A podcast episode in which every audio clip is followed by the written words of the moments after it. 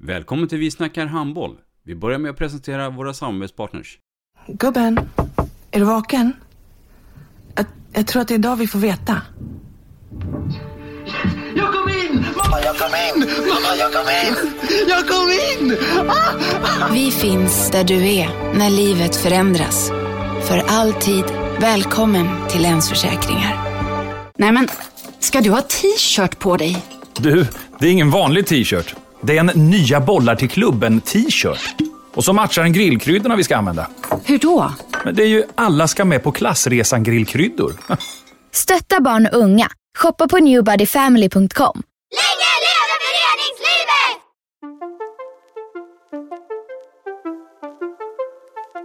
Välkommen säger vi till dig som lyssnar till den bästa handbollspodden. Vi snackar handboll med Robban Z och gäster. Vi snackar handboll, där du får veta alla sanningar som du inte visste att du missat. Vi snackar handboll. Idag i programmet Vi snackar handboll så ska vi verkligen snacka handboll med eh, ett par ikoner. Vi ska nämligen prata en hel del om Redbergslis IK ifrån Göteborg. Och vem eller vilka kan inte det bäst om inte Ola Li och Reine Pedersen. Mycket, mycket varmt välkomna till programmet. Tack.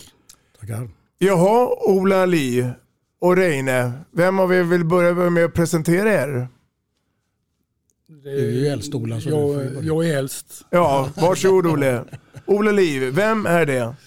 Ja, Ola- Ola Li är född i eh, Kortedala. Jag är född i Göteborg och uppväxt i Kortedala.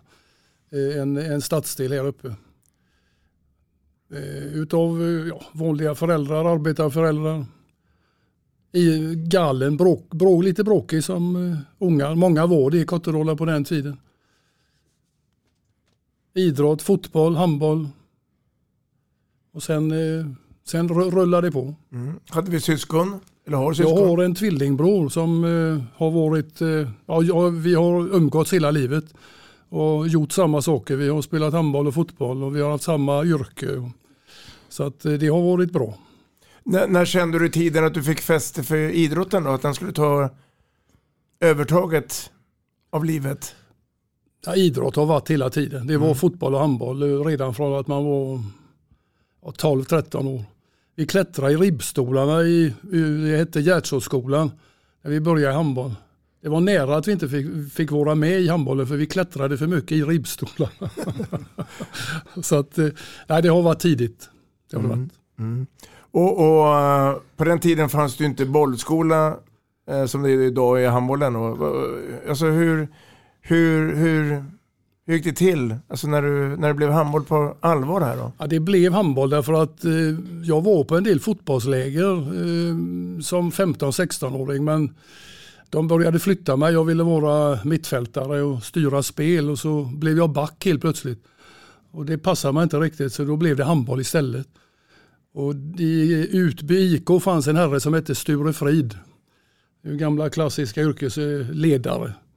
Eh, Och vi får tacka honom. Det får vi göra. Det var han som talade om hur man skulle göra. Vilket håll man skulle springa och vilken tid man skulle vara på plats. Man åkte runt i hans eh, Saab kombi. Sju, åtta gubbar och tryckte in sig utan säkerhetsbälte. Hur bollarna fick plats det vet jag fortfarande inte. Men Salig, salig Sture Frid. Och, och Reine, di- din eh, relation till Ola? Hur, hur, hur hamnade ni tillsammans? Ja, det var väl när jag kom till RIK. Jag, kände, jag visste ju vem Ola var innan men eh, jag kände ju han ju inte. Men, eh, men när jag kom till RIK och började träna RIKs juniorer så träffade man ju Ola. Ola har ju alltid varit nyfiken, intresserad och jag skulle ju komma med någonting nytt i RIK så att eh, då blev han ju jättenyfiken naturligtvis. Och, och, och började ju prata och diskutera och vi fann varandra ganska fort. Så att Ja. eh, så var det. Mm. Reine Pedersen, vem är det? Jag är Ta oss nu från början. Ja, jag är född eh, på Heden, ett stenkast härifrån. Min morsa jobbar i en mjölkaffär på hörnet här nere där vi sitter. Vi spelar ju in, vi spelar in på Scandic eh, Opalen så att det, alla vet om det nu. Och, eh, där bodde jag tills jag var fem år. Sen köpte min farsa ett eh, hus uppe i Stenkullen i Lerums kommun. Och vi flyttade dit 59-60 och sen 67 då började han en handbollsklubb i, i fotbollsföreningen där uppe och som seder, sedermera blev Baltikov. Mm. Och eh, som tolvåring eh, så fick jag ta med mig mina kompisar och, på order och så skulle vi börja spela handboll. Mm. Och så var det. Så att, eh, och, och, pappa var Kurt? Det var Kurt Pedersen. Mm. Var, hur var han som pappa då? Var det en tuffing? Eh, nej, det tycker jag inte. Inte mot mig. Han eh, var väl väldigt eh, frimodig så. Eh, tog allting ganska enkelt. Eh, var väl väldigt rak och tydlig med allting. Och, och som var rätt och fel och sådana här saker. Men eh, absolut ingen hårding. Det, det tycker jag inte. Mm. Jag jobbade ihop med honom i många år sedan också i företaget. Så att, mm. nej, vi kom väl mer överens som bröder än som far och son. Mm. mm. När, när eh, i karriären då kan vi då börja prata handboll på allvar? Eh, ja, det var nog eh, ja, på allvar, det var vad man menar med allvar. Men jag, när jag bestämde mig för att bli tränare då var jag 17-18 år. Mm. Och, och, eh, då började väl det stora intresset. Handboll eh, spelade jag ju och höll på med men eh, tyckte väl inte det var så jädra roligt att springa och träna. Det var roligare att träna andra. Så att, mm. Var det någon som sa åt dig då att eh, Reine skulle inte bli tränare istället för att spela? Eller kände du själv att Ja, men jag har alltid varit, eh, även när man gick i skolan, vi fixade fotboll. På den tiden var ju inte allting så organiserat så man fick ju fixa fotbollsmatcher och vi hade utbyte med de som gick i skolan i Lerum och, och så vidare. Och, och då var det alltid jag som fick hålla på och fixa med det där. Så att mm. man, man hade väl någon ådra någonstans eh, och gillade det här med att fixa och dona och, och vara ledare då. Och när vi spelade fotboll ute på ängarna och hemma där på gamla fotbollsplan och det här då, då var det ju alltid jag som fick dra igång det. Man spelade ishockey på vintern. Och, så det fanns väl där från början. Mm. Om, om vi backar tillbaka tiden lite grann Ola och, och Reine. Men, eh, jag tänker, jag är lite nyfiken att höra efter grundskolan så blir det gymnasium. Ja, men. Vad händer i, i livet och karriären här då? Alltså, ja, du skrattar dig nu. Ja, jag vet inte vad gymnasium är. Nej. Ingen aning. Men, men tänk, var, var studierna viktiga på den tiden? Ja, det var, jag, jag gick på Östra Real eh, första året på gymnasiet och sen på Källbergska gymnasiet. Så att, eh, jag gick tre, tre år. Eh, men ja, viktigt var det ju. Eh, min far ville nog eh, gärna att vi skulle försöka lite grann i alla fall. Mm. Han arbetade på fritidsförvaltningen, socialförvaltningen i Göteborg. Min bror blev snickare. Och jag, nej, jag visste inte riktigt, jag höll på fram och tillbaka lite. Det blev en fritidsledarutbildning så småningom. Socialhögskolan nära, men inte riktigt. Mm. Skolkade man på den tiden? Japp. Japp. vad, vad, vad sa mamma och pappa då, då inne? Eh, nej, de tyckte väl inte det var bra. Mamma var väl lite förtvivlad. Farsan toglade med en klackspark lite grann. Och hans viktigaste det var att eh, man skaffade sig ett jobb. Det, mm. det, var, det var det viktigaste. Sen om jag läste eller vad jag gjorde. Men jobba det skulle jag. Det var inget att diskutera. Det, det kom man inte undan. Jag fick, jag, fick, jag gick ur eh, nian där så fick jag till hösten på mig. Sen fick jag fixa ett jobb. Det var inget mer att diskutera. Mm. Minns du vad första jobbet var? Jajamän, jag var revolversvarare på Elga Svets. Ja. Mm. Ja, härligt. Ja, det är härligt. Eh, jag, jag, när, vi har, när vi har haft podden här så är det många av gästerna som har kopplat ihop då handbollen med er två. Viktiga kuggar i den här staden Göteborg. Varför blev det så? Tror ni? Ja, det, det, är svårt att säga. Det, ja, men det, det, jag, jag tror nog att det, inte för att jag och Reine ville det då från början, men anledningen är ju att eh, RIK spelade dålig handboll på seniorsidan i slutet på 70-talet. Samtidigt så startade RIK en, en ungdomsverksamhet där Reine drev i ett juniorlag. Och det är ju den generationen som, som är födda 64. Mm. Eh, och då fanns det planer. Arne Johansson hette ordförande och Gösta Karlsson eh, låg och körde och hade ju en plan för hur det här skulle ändras och se ut. Så att eh, det startade ju en process där på eh, eh, slutet på 70-talet. Sen använde de mig som eh, tränare för att bli av med den, de som var riktigt dåliga. Samtidigt som vi skulle mata in de nya. Och så fanns det väl en plan någonstans att efter att det var klart så skulle Reine Pedersen ta, ta hand om det här och, och driva RIK framåt med det nya sättet att titta på det. Eh, Så är min känsla. Reine? Ja, I stort är väl så. Det, jag, skulle ju, jag skulle komma med den nya handbollen så att säga. Mm. Och, och, och det nya sättet att tänka och så här. Och, eh, och det var inte enkelt i RIK för man fick ju ett våldsamt motstånd. Jag Från kom- vilka då? Ja, från eh, övriga, egentligen hela föreningen. Mm. Eh, det var, det var, A-laget var ju den största motståndaren. Det var, eh, de tittade ner, de tyckte vi var kaxiga som, eller stöddiga som sprang och tränade. Vi tränade ju dubbelt så mycket som de gjorde. Och, och vi trodde att vi skulle bli bra och det var ju lite barnsligt. Och de stod och flabbade när vi tränade och lite så här då. Va? Och det var många ledare i föreningen som var väldigt avoga. De hälsade inte på mig första året. Och Det var mycket sånt där som man fick ju verkligen eh, stå upp för det man trodde på. Och, och, och du kände där att, att, att det var dags att göra lite nya impulser och det. Men, men, men var fick du de idéerna ifrån då? Var det, Men jag hade ju jag hade ett vå- våldsamt intresse och, och jag har alltid, alltid eh, tänkt så här att om man ska bli bra så måste man ju titta på de som är bra. Jag tittade väldigt mycket på alla OS-finaler, VM-finaler, alltså alla de här turneringarna, alla, alltså alla de här bästa lagen. Man jagade band över hela Europa och, och satt och tittade på det. Man, man läste mycket om det här, man läste sådana här studier om att eh, de som vann, de hade på de sista 30 åren från 60 och fram till 80 någon gång då hade alla som har vunnit VM eller OS ändrat sitt försvarsspel eller kommit med ett nytt sätt att spela försvarsspel på. Det fanns massa sådana här statistik och det mesta kom ju ner från Tyskland och Jugoslavien och, och ja, man läste ju allt som man kom över i princip och tittade på allt. Mm. Mycket, ryssarna var ju väldigt duktiga. De hade ett enormt kantspel, det pratar vi mycket om. Fantastiska kantspelare. Alltså, och inte bara det här med avsluten utan de, deltog, de var ju mer eller mindre som spelfördelare. De var ju med inne i banan och alltihop det här. Alltså det fanns väldigt mycket sådana influenser.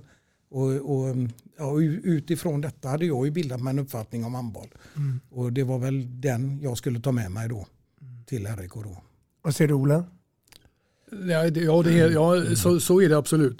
För min del så, um, jag upptäckte 1981 spelade jag i RIKs reservlag och i Alingsås en match där så upptäckte jag att om jag står still här på linjen och väntar så att de andra gubbarna hystar bollen hit och dit så blir det övertal på denna sidan och då behöver jag inte springa omkring. Och efter det så tänkte jag, så, men varför har ingen talat om det för mig nu på de tio åren jag har sprungit här fram och tillbaka och försökt.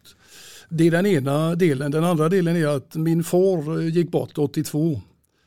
Eh, och då fanns det behovet av att göra något. Så att det är de två grejerna egentligen. Och allra mest att det är ju inte rätt att de som kommer nu och börjar spela handboll ska behöva gå omkring och vänta så länge som jag gjorde utan att få reda på vad de kan göra eller vad de inte får göra. Så att säga. Det var väl de två sakerna för mig som gjorde att jag blev tränare. Tillsammans med Christer Lundin hette ju han då. Eh, De, de, de, två, första, första, de två första åren var det. Ja. Re- Reine, du berättar ju om nya impulser, nya idéer. Så var det viss motstånd eh, i- föreningen. När kände du att, att nu eh, seglar vi åt samma håll? När är tiden? Ja, det var ju när det gick ju så långt till att eh, eh, andra året när de 64-kullen eh, var med där, då, då låg ju RIK i Division 1. division 1. Ja. Och, eh, då gick det så långt att det blev en träningsmatch Ja, mellan juniorlaget och A-laget. Och den vann vi. och sen eh, skulle de ha revansch för de tyckte de hade varit för snälla men eh, rent fysiskt skulle inte vi mäkta med det så de skulle smälla på oss riktigt ordentligt nästa match. Och då tror jag de fick stryk med två till Ja. mot vad det var i första matchen. Och, och detta skedde någon gång i november, början på december. Och eh, vid jul där då försvann väl 11 man ur eh, A-laget där och så flyttade man upp i princip hela den kullen. Och så gick vi ju upp på våren där. På våren. På våren. Fanns det spelare som kom utifrån också då? Ja, alltså i, i juniorlaget menar du? Ja, och även på seniorsidan också. Nej, de, det var nog Ja, mest... det, var, det var mycket det, Göteborgs... de, det, var, P- det var en del spelare, P.O. Östberg, eh, det Ja. var en del spelare från Karlstad. Karlstad var långt framme handbollsmässigt. De eh, tränade friidrott där uppe i Karlstad. Så de hade bra fysik. Och det vi, P.O. Östberg var en och så fanns det en kantspelare som jag inte kommer ihåg namnet på. Det stämmer. Det var väl, ja det var det. Och sen var det ju de äldre i RIK som, eh, som trots allt var bra handbollsspelare. Göran Harby i mål och Stig Santa och det fanns ju några stycken som var med och fyllde, fyllde luckor. Men de allra flesta var som mig, de var, inget, de var, inga, Nej. de var inte världsmästare. Och, och, och Reine, de här berömda 64 du nämner då, Mm. vad, vad, vad hände med dem? Nej, de eh, blev ju bofasta i A-laget och blev ju den nya stommen. Alltså det var ju därifrån RIK sen byggde sin A-lagsverksamhet. Det var ju på den stommen och det var ju hela tanken med ja, hela den satsningen som var. Tänker du på några speciella namn? Ja, det fanns ju många. Det fanns ju, ja, Wislander är väl framförallt det som alla känner till. Men eh, det var ju en hel grupp av spelare. Jocke Damm och målvakt från Torbjörn Petersson från Baltikov. Och, ja, det var ju väldigt många. Det, det, var, det var en bra grupp helt enkelt. Jan-Erik Johansson var ju med där. Och, Mm. Så det var en bra grupp. Absolut. Dennis Sandberg, 63, Ja, eller 63, för ja. Sandberg var med också där. Det kommer en hälsning här till er, eh, apropå kullen 64 här. Lyssna här nu på det här. Hej Ola och Reine, Johan Eklund här. När jag hörde att ni skulle medverka i podden blev jag både överraskad och glad. Det ska bli spännande att höra vad ni har att säga. Jag hade ju förmånen att verka under era vingar under ett antal år och då både som spelare och tränare. Och det var en tid som jag tycker präglades av höga förväntningar, hårda krav. Och dessa förmedlades med en krispig tydlighet utan vare sig några omskrivningar eller några former av försköningar. Och där eventuella åsikter från mig som på det minsta vis doftade bortförklaring, undanflykt eller genväg avfärdades snabbt och bestämt. Inte alltid roligt att hacka i sig, men definitivt utvecklande. Jag kände dock alltid ett stort förtroende och att ni hade en genuin tro på min förmåga att lyckas med de uppgifter ni gav mig. Och det hjälpte ju till att bygga upp mitt självförtroende. Alla dagar var inte roliga, men det var inte därför jag var där, primärt för att ha roligt. Jag var där för att jag ville vinna och lägga ner det hårda arbete som krävs för att ge sig själv möjligheten att vinna. Och min bestämda uppfattning är att ni var där av precis samma anledning. Men när säsongen gick och målsättningar och säsongen skulle sammanfattas så var det väldigt ofta både roligt och djupt tillfredsställande. Ni två har lärt mig mycket om handboll. Men jag har även minst lika mycket lärt mig om livet utanför handbollen. Och för det är jag mycket, mycket tacksam. Reine och Ola, ha det bäst. Vi ses. Hej! Vad tänker vi? En fantastisk människa. Ja, ja, ja. Det- Absolut. Han, eh, det är lite roligt hur han hamnade i RIK. Vi får han, vänta tills att håren har slutat att resa sig på armarna. Han eh, spelade ju upp i Cliff i Stockholm. Ja, gjorde han. Och eh, Staffan var ju med i den gängen också. Och vi spelade i JSM-final. Och, och eh, ja, vi slog väl alla i Cliff utom Johan Eklund. Han gjorde väl åtta eller nio själv och stal bollar och härjade och slog sönder oss fullständigt. Så eh, vi gick av banan där med en förlust och vi, vi vann aldrig JSM med den 64-kullen. Malmö B vann första året och, och Cliff andra året. Men eh, vi fick Johan Eklund istället så vi sa det, han ska vi ha. Det är inget att diskutera. Kan han sänka oss så fullständigt så ska vi ha han. Vad hade han som en egenskap då? Som En spelare? Otrolig fighter. Otrolig fight. Alltså så fruktansvärt fokuserad. Och, och gav aldrig upp. Aldrig Nej. någonsin. Det, han var helt makalös. Ola, du har ju sagt eh, tidigare här eh, att, att när vi pratar förebilder Ja. så om inte jag är helt ute nu och seglar så har du haft Johan som en förebild? Ja, Johan är ju fan, ja, han, är, han är fantastisk på det sättet att han eh, säger han A så är det A. Han är konsekvent, han håller sig till det som gäller. Det är inga omvägar, han springer, springer ingen annanstans än, än där han är. Och, du kan, och, han, och han jamsar inte och hoppar inte upp och ner och fram och tillbaka. VM-finalen 90 är väl en sån. Han, man får säga så här, grattis Johan till VM-guldet. Vad då säger han, jag satt ju bara på bänken. Ja, du hör, du hör själv. Mm. Det är som eh, nej, sagolikt. Absolut. Mm. Jättebra. Och han blev ju kvar i Göteborg. Eh, mm. Och sen så efter sin spelarkarriär så blev han också ledare. Ja. Vems fel var det då? Tror ni? Ja, det, det var nog mitt fel. Det är, det är Reines fel. Berätta du Reine. Jo, eh, han blev ju skadad eller han fick ju problem med ryggen. Ja, så han spelade väl väldigt lite den säsongen 91-92 eh, där. Ja. Och eh, då hade vi en avslutning. Vi var på en räkbåt ute i skärgården och så hamnade jag och Johan av någon konstig anledning på däck där. Och då tittade han i ögonen och sa det är inte dags att sluta spela nu. Ja, vadå? Jag tycker det är jätteroligt. Ja, men det är jätteroligt att vara ledare också. Vi behöver ha en bra tränare nu. Så det, det blir du från och med den här säsongen. Jaha, sa han. Ja. Mm. Och, då, och då väntade det en massa tränarutbildningar? Ja, så mycket tränarutbildningar fick väl han inte utan han, eh, han fick vara med. Ta, han, fick, ja. han fick ta, ta med sig det han hade. Han fick vara med och lära sig. Ja. Mm. och, på, och, på, den tiden, det är lite annorlunda idag med det här med tränarutbildningar och det. Men, ja. men jag förstår hur ni tänker. Uh, ja, en fantastisk uh, personlighet. Ja, absolut. absolut.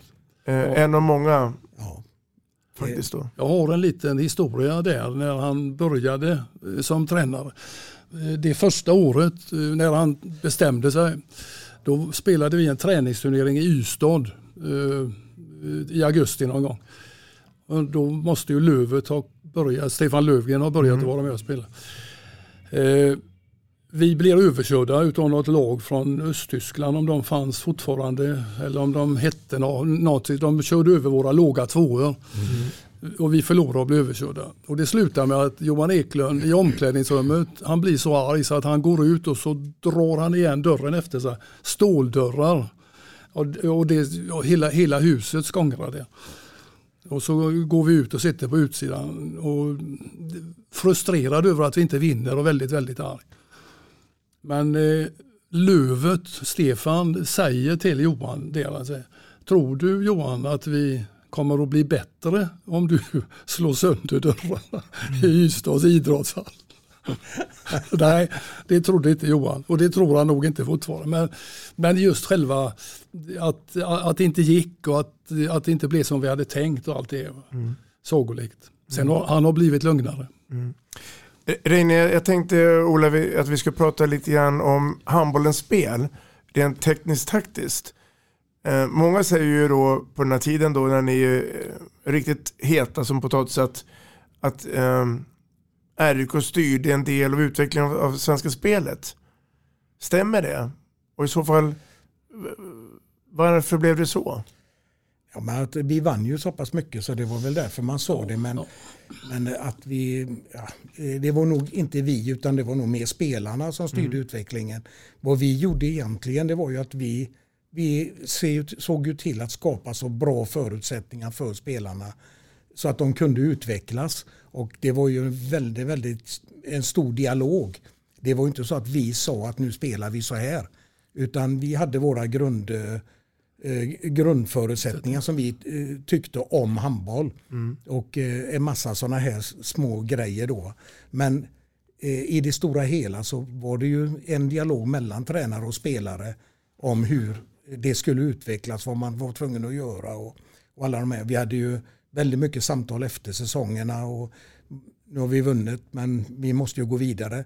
Alla tittar ju på oss så att kommer vi med samma spel nästa år så funkar det ju inte. Mm. Så vi försökte ju varje år att bygga på det vi hade gjort säsongen innan och vi försökte alltid träna mer och vi försökte alltid lägga till saker men det var, det, det var nog spelarna och deras ja. utveckling som eh, alltså gjorde handbollens utveckling. Det, vi, vi skapade bara förutsättningarna. Mm.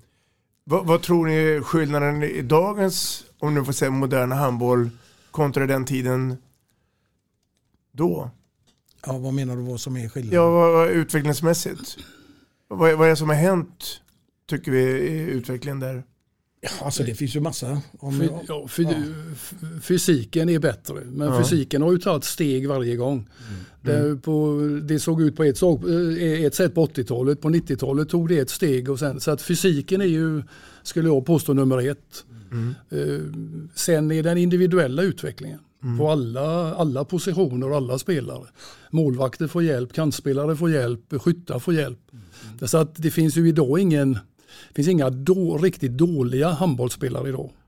Utan alla är ju utbildade. Mm. Eh, det är nog den stora skillnaden. Absolut. Vi, vi, vi skapade ju mönster för spelarna att, att spela handboll. Mm. Men situationen de hamnade i, där fick de ju själva komma på hur de skulle lösa den.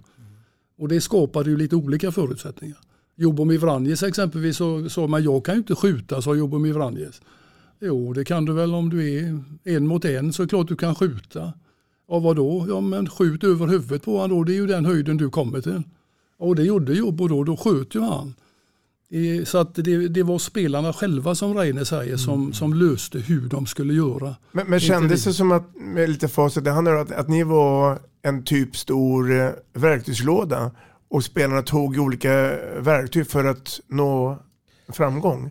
Ja, ja, så kan man ju se det. Men jag tror mycket var att vi skalade bort skalade bort väldigt mycket felaktigheter. Ja, det vi hade, alltså det här med eh, hur man satsade och att man var tvungen att satsa och vad valen var och sånt där. Det fanns ju tydliga regler för det där på träningarna.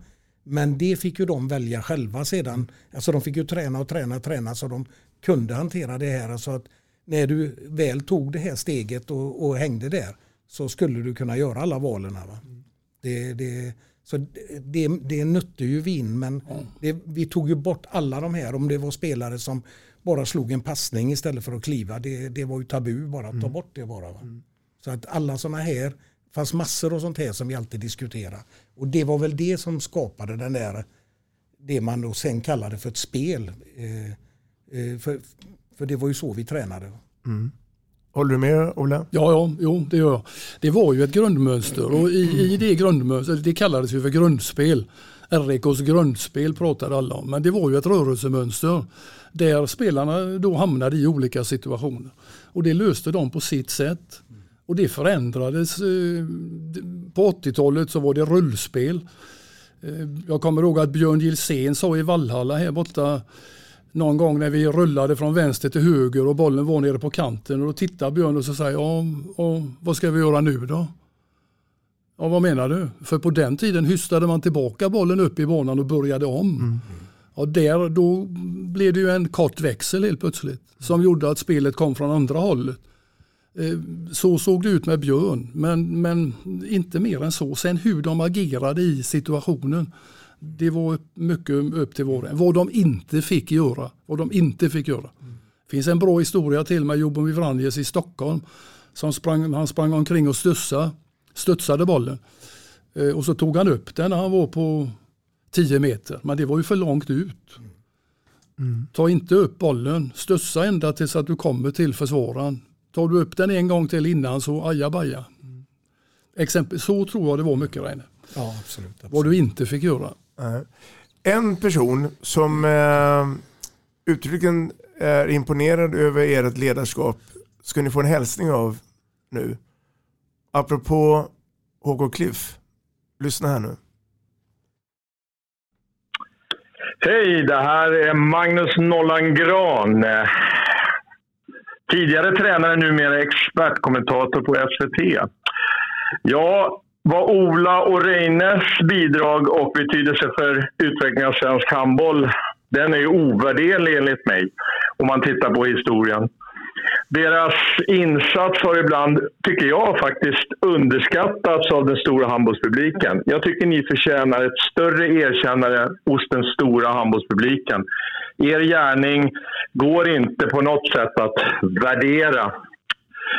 Eh, era resultat i RIK samt den utveckling ni hade av massvis av fantastiska spelare och som numera är aktiva tränare och ledare i svensk handboll. Det saknar, vill jag säga, motstycke. Jag tror inte att det finns några ledare som har varit så framgångsrika, både med att vinna SM-guld men också ha tagit fram fantastiska ledare för svensk handboll.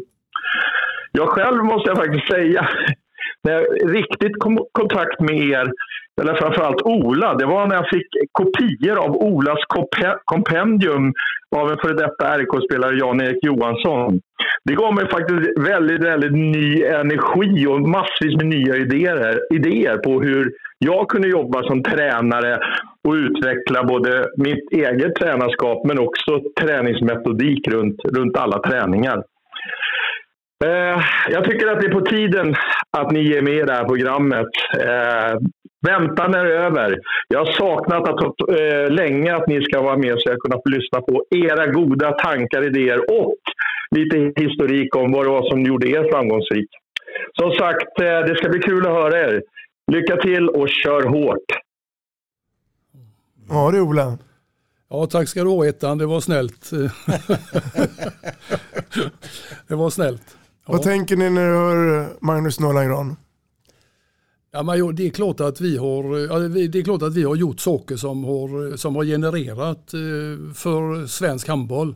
Så är det ju. På 80-talet eh, gödde vi, eller var vi med med Björn och kompani där och sen 90-talet likadant. Så att ja, visst är det så. Men ja, jag, jag har aldrig upp, ja, vi har ju sprungit här och tyckt att det har varit roligt och det har fungerat. Och vinner man så blir man intressant och lovande spelare kommer till oss och hej och ja, jag, jag vet egentligen inte vad jag ska säga. Mm. Ja, det är, man behöver inte säga mer. Nej.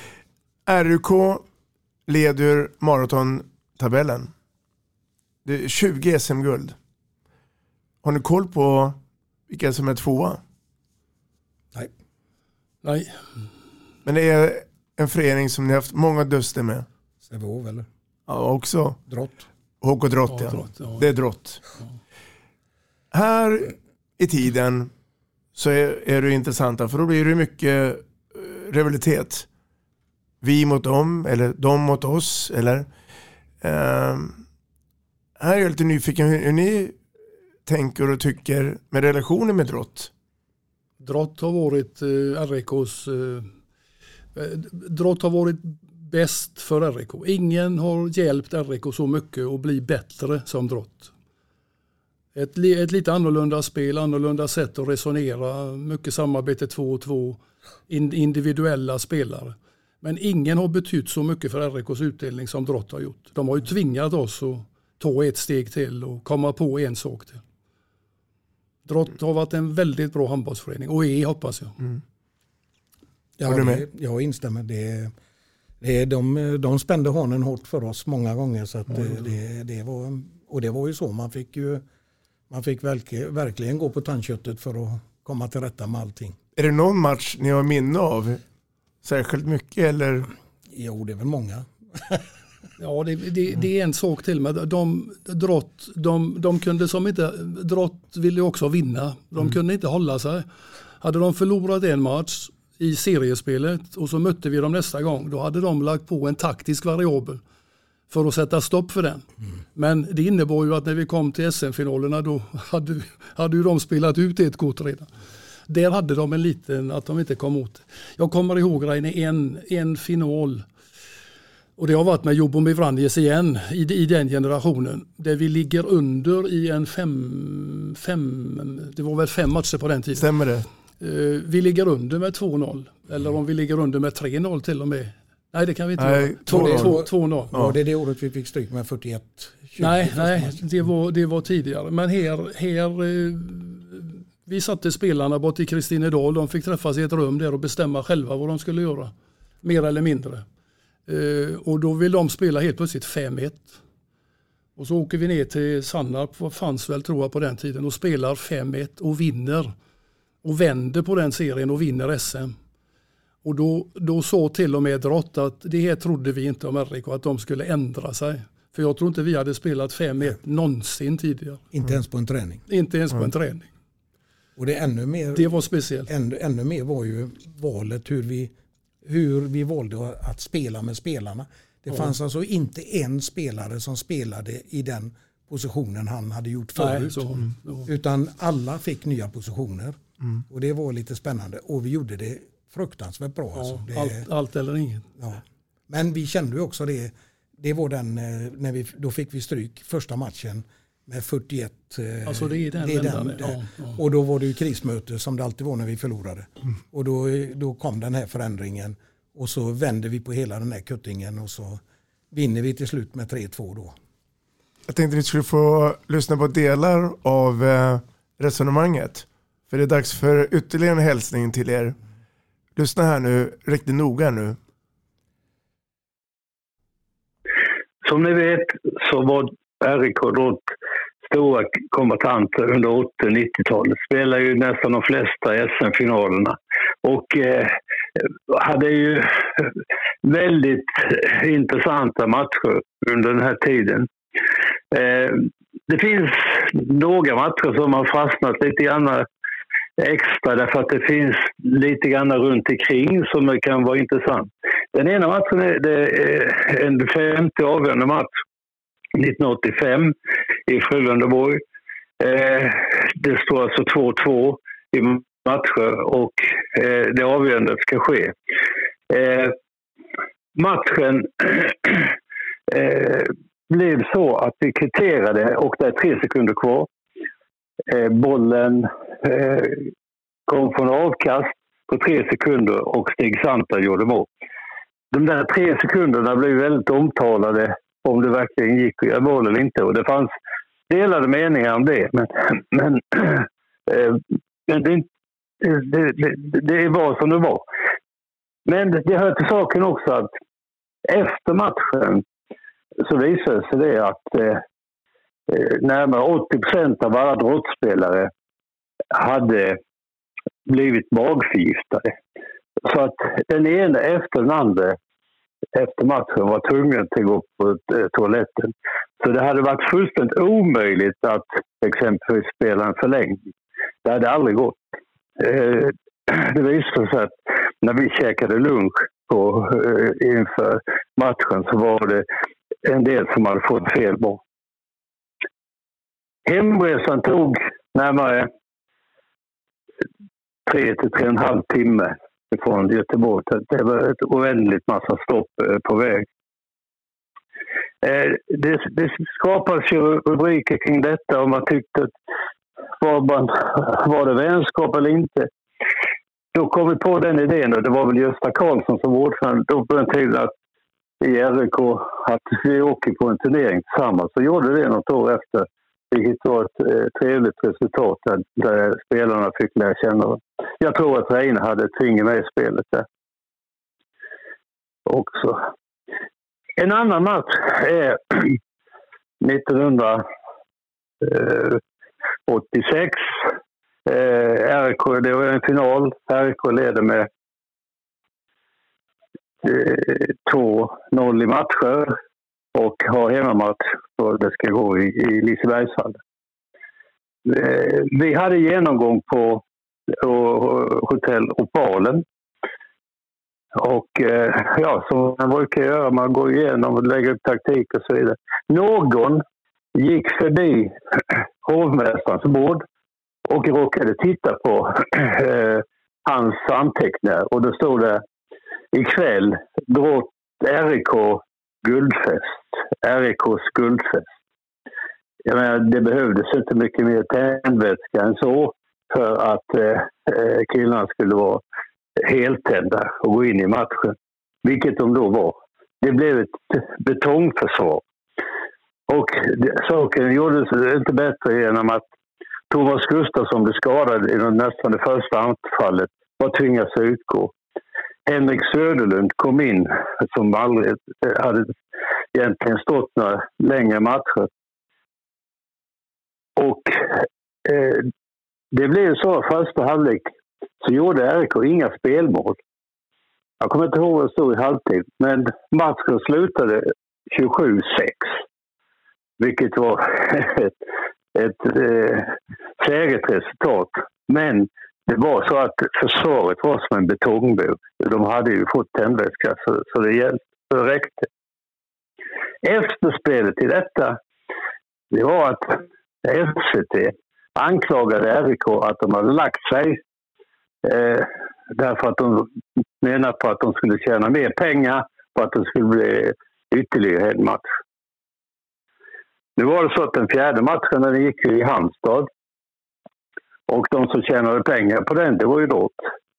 Eh, den gick inför, på ishallen inför ungefär eh, det var över 5 000 människor i hallen. Och RIK vann den sedermera med eh, 2018 och blev då svenska mästare. Men det var lite, lite säreget att de blev anklagade för att de skulle ha lagt sig. Så var inte fallet, utan den som avgjorde matchen var nog hovmästaren på Opal. Ja, om ni inte har gissat det för nu så är detta Olle Hagström idrott som önskar en god fortsättning och ha så trevligt på er träff. Mm. Tack så mycket. Ja, tack, tack. Uh, Vilka minnen. Ja, Johan, ja. Johan Eklund dyker upp igen för han gjorde fem av de sex ja.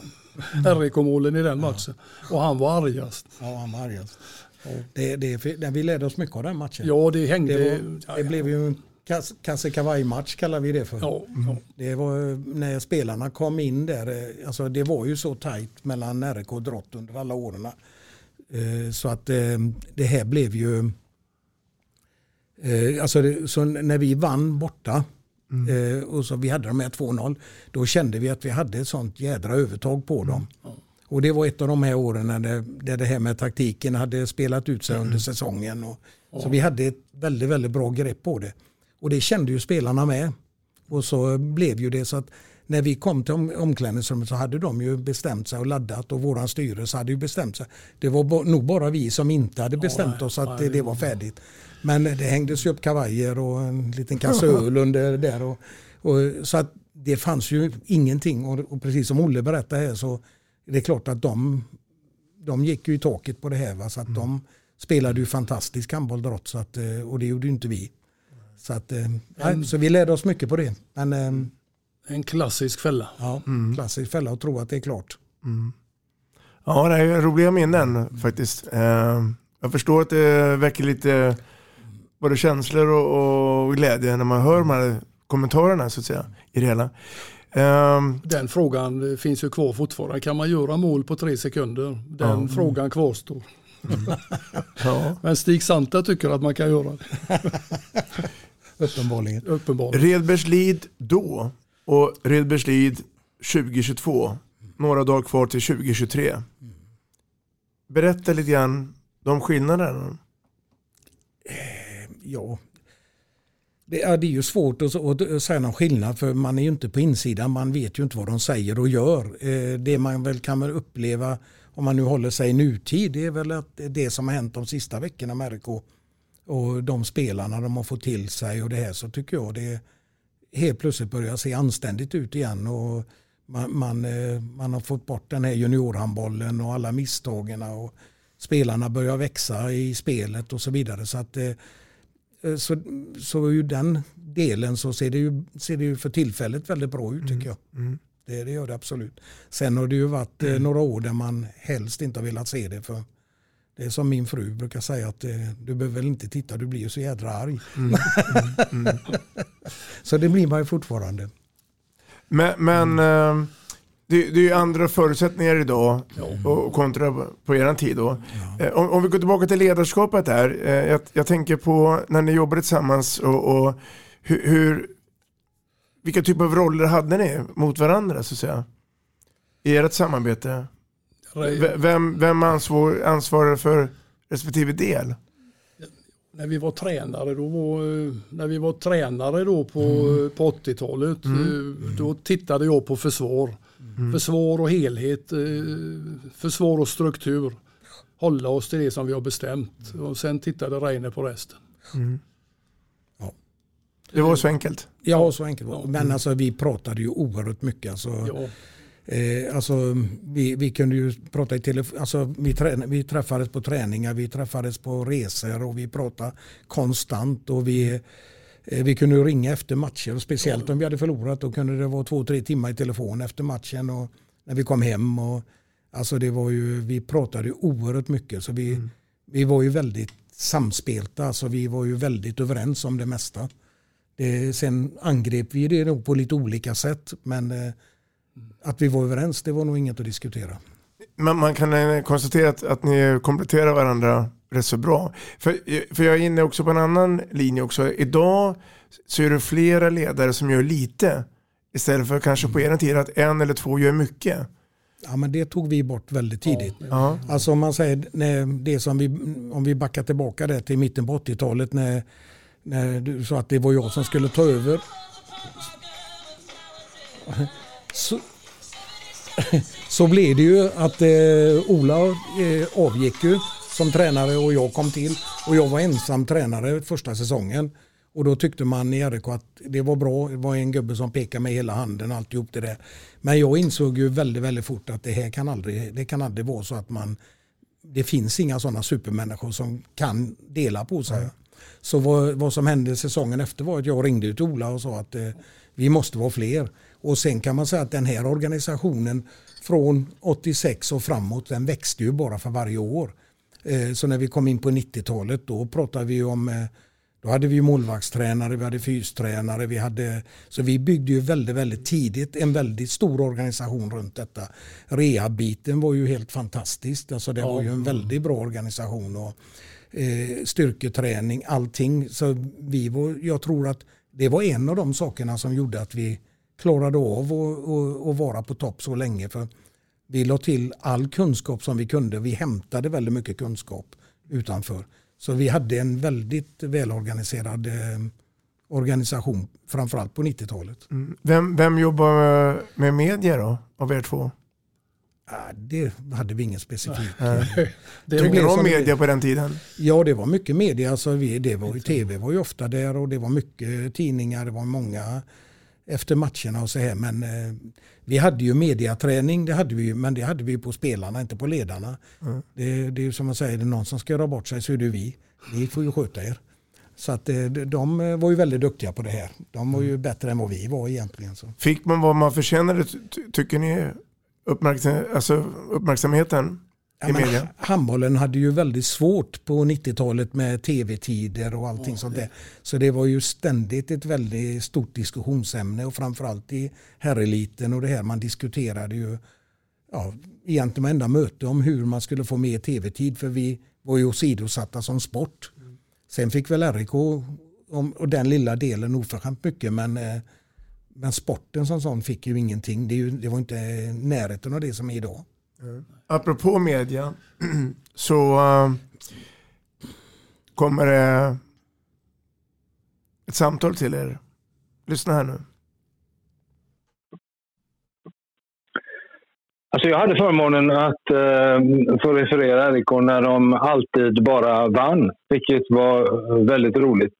Så tillvida att man kunde eh, lära sig att vad det står i en handbollsmatch, det spelar egentligen ingen roll om det ena laget är bättre än det andra. För att det räcker för dem att ha några minuter på slutet för att vinna matchen. Och det var ju ofta så när man såg RIK att de låg under i paus, kanske en bit in på andra halvlek och sen när det började bli allvar så så gjorde de så många mål de behövde för att vinna matchen. Så att det, det var ju naturligtvis eh, Eh, ur den synvinkeln väldigt trevligt. Sen var det alltid bra att ha med dem att göra, både spelare och ledare. Och med tanke på Ola och eh, Reine så är det på det viset trots allt att som journalist man är väldigt beroende av de här människorna som finns kring lag. Om man nu jobbar med. Jag gjorde väl i det närmaste alla RIK-matcher under flera år. Och då lär man ju känna eh, personerna där med, med Paul Henry Jeppsson och alla spelarna och, och ledarna. Och, så. och det var alltid vänligt, öppet och trevligt. Eh, och eh, eh de var, Reine och, och Ola var lite olika så tillvida att Reine var väl lite hetare på gröten. Ola var lite jag ska inte säga att han var smartare än Reine, men han var sofistikerad i sitt sätt att uttrycka exempelvis protester mot domare. Jag kommer så väl ihåg en gång som Ehm, han sa så här vid ett domslut som väckte väldigt mycket ilska hos en spelare i RIK. Jag kommer inte ihåg vilken av spelarna det var, men säg att det var Magnus Wislander. Det spelar inte så stor roll. Jag kan säga att det var eh, han. Då, istället för att klaga på domaren så ropade Ola han ser det nästa gång, Magnus. Då vet jag att domarna blåste av och han fick en tillsägelse. Men jag tyckte ändå det var flott och stiligt. Och för min del var det också så att jag upplevde nog honom, just Ola, som lite filosof och tänkare och en mycket ja, en hedersman helt enkelt. Jag tror till och med att vi kommenterade en landskamp ihop där Ola var bisittare. Um, och jag vet också ett, att jag använde ett av hans uttryck um, i ett helt annat sammanhang en gång. Som handlade om att jag stod och tog laguppställning. Han gav mig alltså en laguppställning inför en match mot Guif, tror jag det var. Och bakom oss, bakom honom men framför mig om man säger så, uppe på läktaren så hade Guif en supporter där som, som inte var en typisk handbollssupporter för han var gapig och skrikig och otrevlig. Och eh, skrek någonting åt eh, några av spelarna i RK, kommer jag ihåg. Och då när Ola var klar med genomgången så hade jag missat lite av den.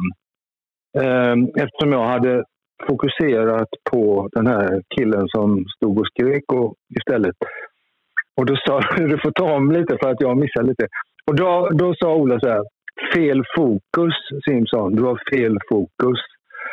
Um, och det tänkte jag, oj, det har jag rätt ofta egentligen, fel fokus, titta på fel saker. Men det var en sån här lektion Eh, liksom eh, i livet. Så jag hade mycket glädje av att få vara runt RIK och runt dessa bägge herrar och de andra också under de här åren, det får man säga. En mycket trevlig tid faktiskt, inom, ja, både för mig som journalist och ehm, eh, supporter fick man inte vara eftersom det är public service. Utan som sagt, det kan vara besvärligt att göra lag och göra stjärnor och så vidare. Det var aldrig besvärligt med RIK, det var alltid bara trevligt. Mm. För detta Radiosportens medarbetare Thomas Simpson. Simpson. Mycket finare. Ja. ja. Kunnig inom handbollen? Ja, absolut. Eh, fel fokus är lite roligt därför att eh, eh, fel fokus, det är säkert så att jag har sagt det. Men det kommer ifrån eh, en resa i Schweiz när vi spelade handboll mot Fadi Winterthur tror jag. Och på den tiden var Christer Lundin som numera är borta ledare i RIKs styrelse. Eh, och vi sitter, spelarna, spelarna och vi sitter och äter. Eh, och då hade man ju, alla skulle göra allting tillsammans och det var vi och hela det kalaset. Men Christer, han flög in senare och var för sen. han kommer kanske en halvtimme efter när vi sitter och äter. Och då börjar ju spelarna och peka och säga Christer, vad, vad kommer du nu och man ska ju vara i tid och så. Och då ställer han sig mitt på golvet och tittar på alla oss Christer. Och så blir det alldeles tyst. Och så när det blir tyst så säger han högt och tydligt, fel fokus. Säger han. Mm. Fantastiskt bra. Mm. Fantastiskt bra. Se ni till att göra vad ni ska göra så ska jag göra det jag ska göra. Han var bra. Mm. Förebilder. Har ni några, eller har ni haft några förebilder när det gäller ledare och tränare? Vad säger Reine? Nationellt eller internationellt? Ja, den man först kom i kontakt med som man tyckte gjorde någonting bra.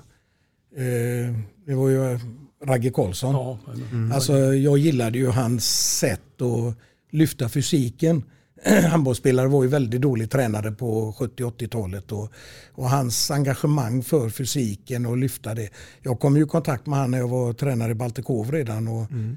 eh, ja, han var, han, jag gillade hans sätt att resonera och han var en eh, väldigt ödmjuk eh, människa också. Han hjälpte gärna till. Han, eh, han ställde upp och det var aldrig några problem med någonting. Och, och när han sen blev eh, kapten då i landslaget, förbundskapten, så um, gjorde han ju otroligt mycket gott just med fysiken och, och förbättringen där. Mm. Och det var väl den första tränaren man liksom, ja, här i Sverige som man tyckte var en riktigt bra tränare. Och förebild naturligtvis. Mm. Både som ledare och spelare. Eller ledare och, och tränare. tränare. Mm. Ola då? Ja, det, har, det, har, det har ju alltid varit de som har varit lite före eller gjort något annorlunda. Det var Frölunda, Frölunda handboll här med Lars-Erik. Och mm. Det var GH och lär, lärarutbildningarna där. Och sen var det jugoslavisk handboll. Och det har, varit, det, har, det har alltid inte någon enskild på det sättet men däremot mera de som har legat på framkanten som man har tittat på har ju skapat eh, sug efter att lära sig mer eller få igenom det hos oss då i, i RIK. Mm. Så det är nog inga namn så som faller direkt. Det är, det inte. Mm. är det roligt att titta på handboll idag?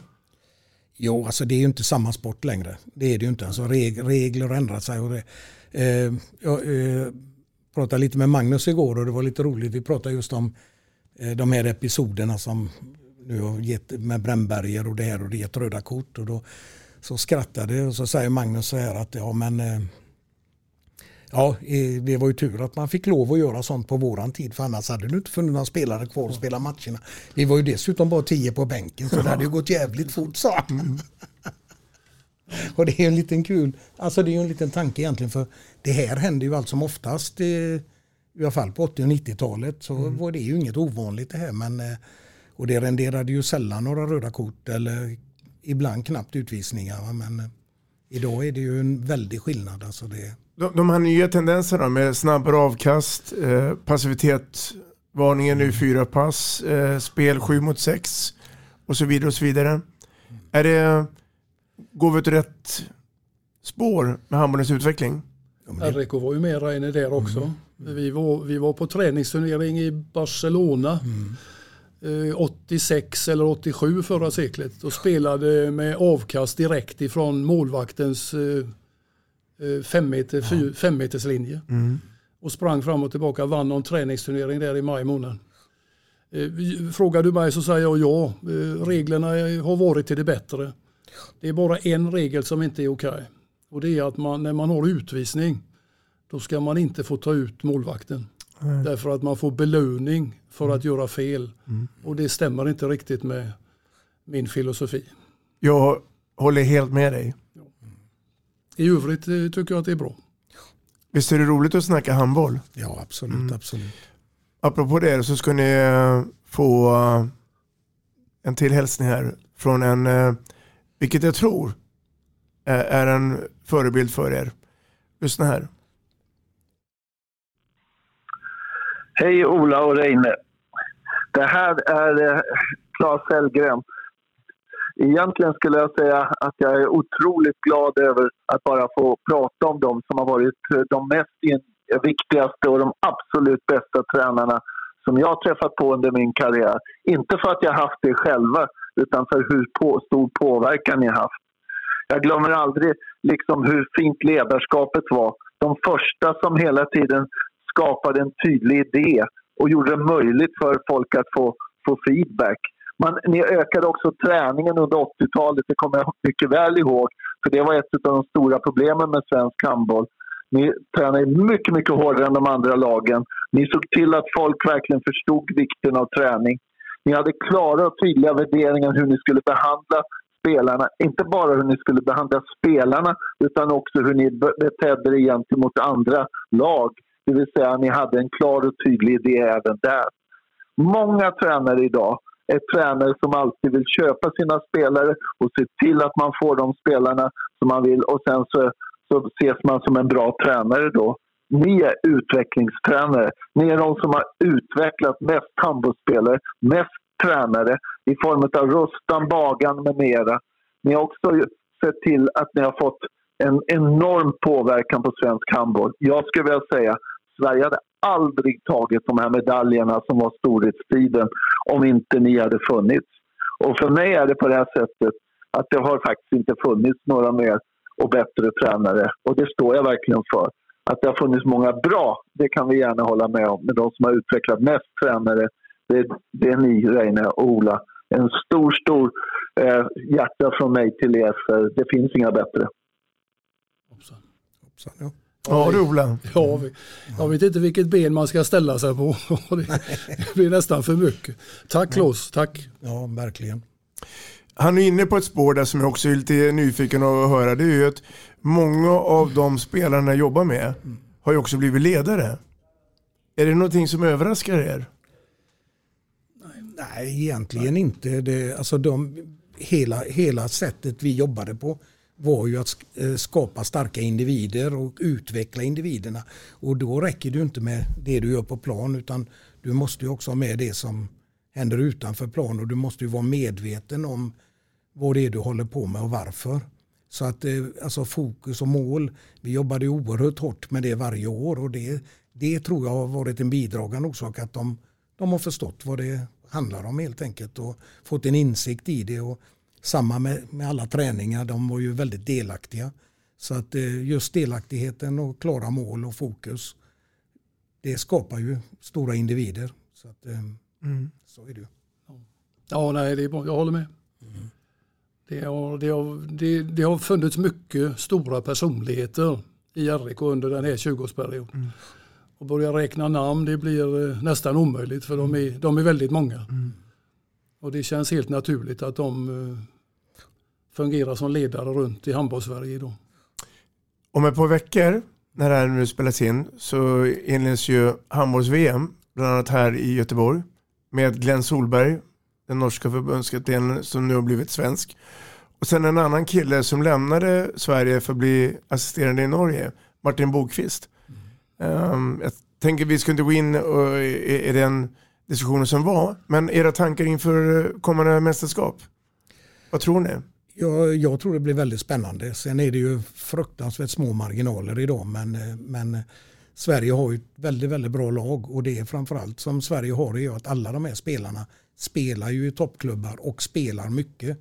Och det gör ju att man, man får verkligen möjlighet att spela om de stora medaljerna. Så att det, visst, det finns alla möjligheter idag. Men det kommer vara små marginaler? Det är det alltid. Mm. Det är väldigt små marginaler. Det gäller att rätt spelare inte, alltså man, man får skador på rätt ställe om man får några och att de som är på gång och är med eh, verkligen eh, har sin, sin period så att de får vara med och spela. Mm. Ola, Ola, om vi jämför kort fotbolls-VM som avgjordes nyligen så fanns det ju utrymme för en hel del överraskningar, alltså andra nationer som skrällde om man nu får säga så. Kan det även hända i handbollen tror du? Nej, nej det tror jag inte. Att, nej, det tror jag inte. Jag tror att det är de som är de, de fem bästa, de är de fem bästa. Mm. Och Sverige har nog aldrig haft ett bättre landslag än det vi har nu. Det, det, det tror jag inte. Mm. Så att eh, möj, möjligheterna finns, men marginalerna är små. Har, har Reine några andra eh, favoriter om nu inte Sverige skulle vinna? Nej, alltså det är ju precis som Ola säger, det, det är ju de här fem, alltså eh, Danmark, Frankrike, eh, Kroatien kanske och Spanien. Spanien ja naturligtvis. Det, det, norrmännen kan man ju heller aldrig se åt sidan.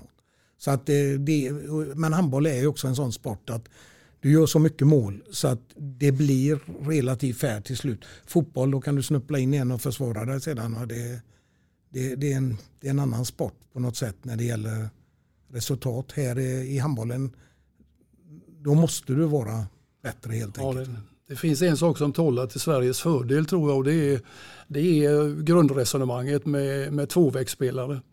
Eh, och inte nog med att det är tvåvägsspelare utan du har i princip två uppställningar på nio meter som är tvåvägsspelare. Vilket gör att du kan driva i 60 minuter.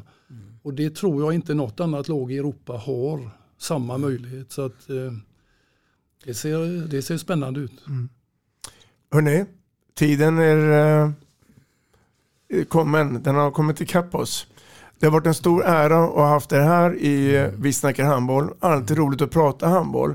Hoppas att det är ömsesidigt. Absolut. Tack så mycket. Och eh, tack alla eh, er som lyssnar och eh, till Reine och eh, Ola, lycka till nu framöver.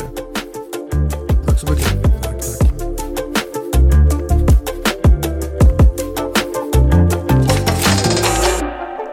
Vi snackar handboll, där du får veta alla sanningar som du inte visste att du missat. Vi snackar handboll. Vi snackar handboll produceras av produktionsbolaget High On Experience, från vision till passion. Ett avslutande tack till våra samarbetspartners. Hallå! Kommer ni eller? Ja, ja. Har du sett mina ankelsockar? De här? Nej, nej, jag menar skridskoslip till juniorlaget Ankelsockarna. Ja, men kolla bredvid träningsläger med handbollstjejerna-t-shirtarna. Stötta barn och unga. Shoppa på newbodyfamily.com. Länge leve föreningslivet! Gubben, är du vaken? Jag, jag tror att det är idag vi får veta. Jag kom in! Mamma, jag kom in! Mamma, jag kom in! Jag kom in! Ah! Vi finns där du är när livet förändras. För alltid välkommen till Länsförsäkringar.